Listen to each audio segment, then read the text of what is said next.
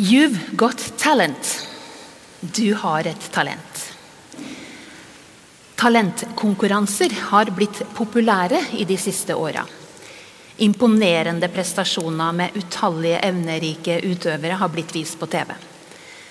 Og kun noen få når til topps, men kanskje burde alle få en premie, om ikke annet for å våge å stille opp og by på seg selv så vet vi jo at talentkonkurranser har en slagside.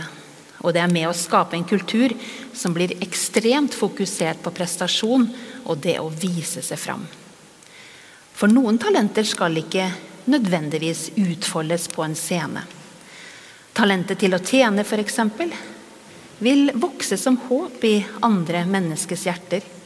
Ikke alltid synlig for andre, men virkningsfullt likevel. I språket vårt benyttes ordet talent nettopp om de gaver og evner vi har fått. F.eks. talentet til å synge.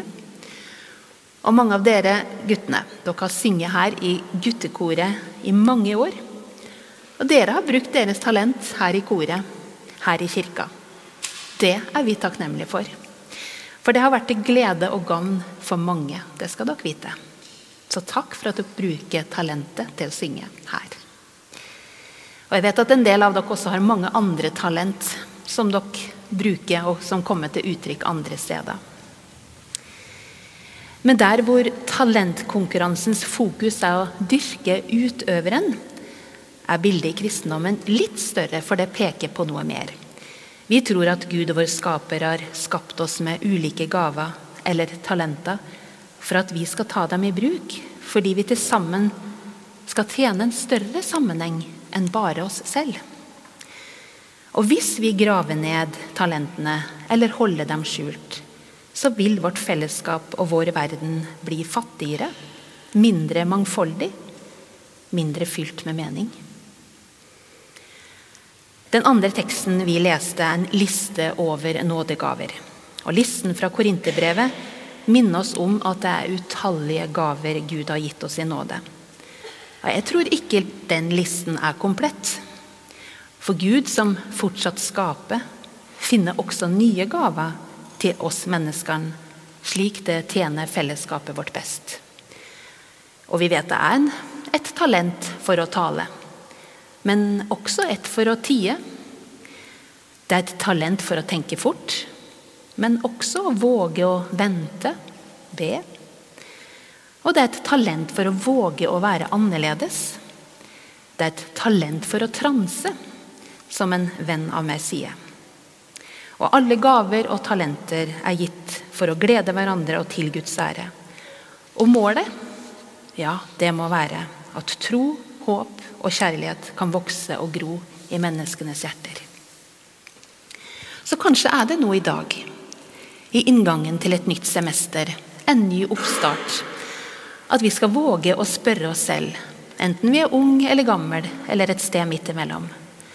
Er det noen talenter eller evner jeg eller du har gravd ned? Gravd ned slik vi billedlig hørte om det i lignelsen? Kan det være at vi har gjort det i redsel? Fordi vi frykter hvordan det kan bli tatt imot? I frykt for om det holder mål?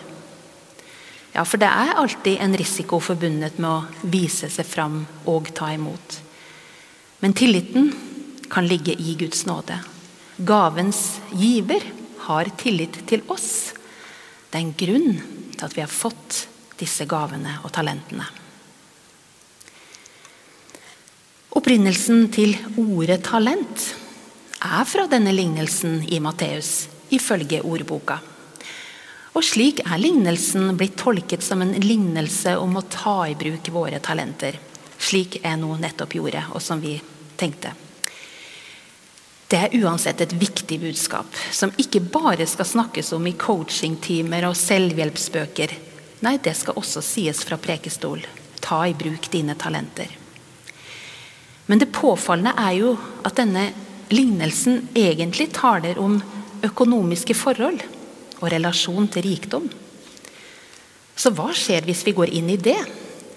For vi må huske at lignelser er billedspråk med et bredt spekter av mulige tolkninger. For hva er en talent i lignelsen? Jo, det var en sølvmynt med den høyeste verdien som var brukt i det romerske riket. Og det er faktisk en ufattelig stor mengde. En talent var 6000 dagslønner.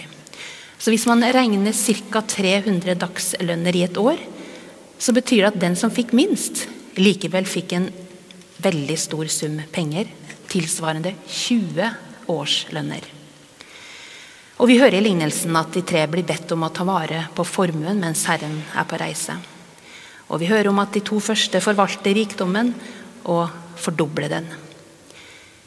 Men den tredje og siste er i motsetning til de norske eventyrene ikke helten i fortellingen. Han får en kjennepreken. En kjennepreken fordi han ikke har økt verdien. Men det kan jo også hende at Herren blir sint på han fordi han faktisk kommer med sannheten. Han sier sannheten til den brutale herren, en sannhet han ikke vil høre, nemlig at han har tatt fra andre. Han har høsta der hvor han ikke har sådd, og han har sanka hvor han ikke har strødd. Han har blitt rik på andres bekostning. Kanskje er det den tredje og siste som faktisk også er helten i fortellingen, fordi han protesterer. For med sin måte å løse oppgaven på, så stanser han en økonomisk spiral som han ikke vil være med på. Han protesterer mot Herrens logikk om at den som har, skal få, og det i overflod. Men den som ikke har, skal bli fratatt selv det han har.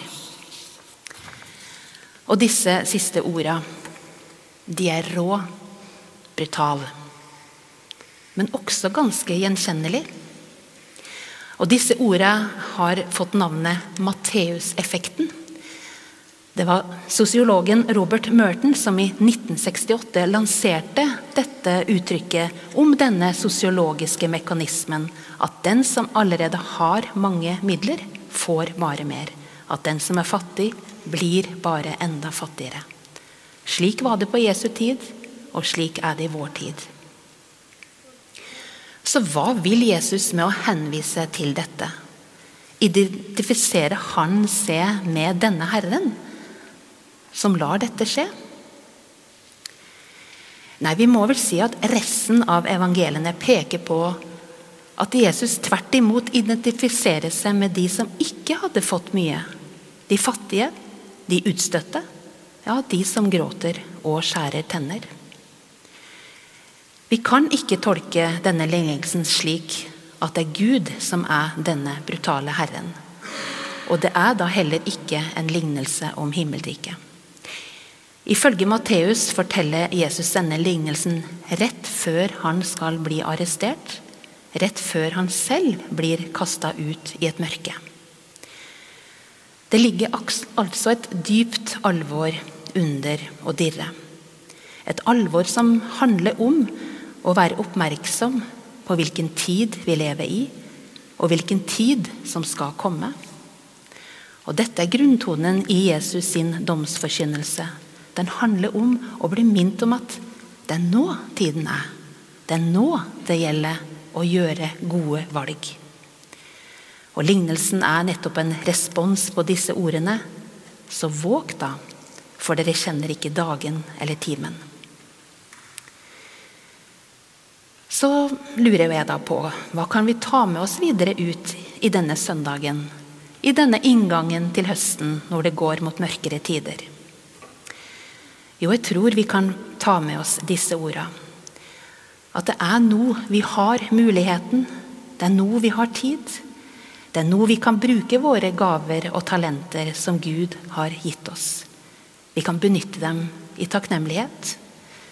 Benytte dem for å la troen, håpet og kjærligheten få rom hos oss. La lyset få rom hos oss. La himmelriket få rom hos oss. Midt i vårt mørke. Ære være Faderen og Sønnen og Den hellige ånd, som var og er og blir en sann Gud, fra evighet og til evighet. Amen.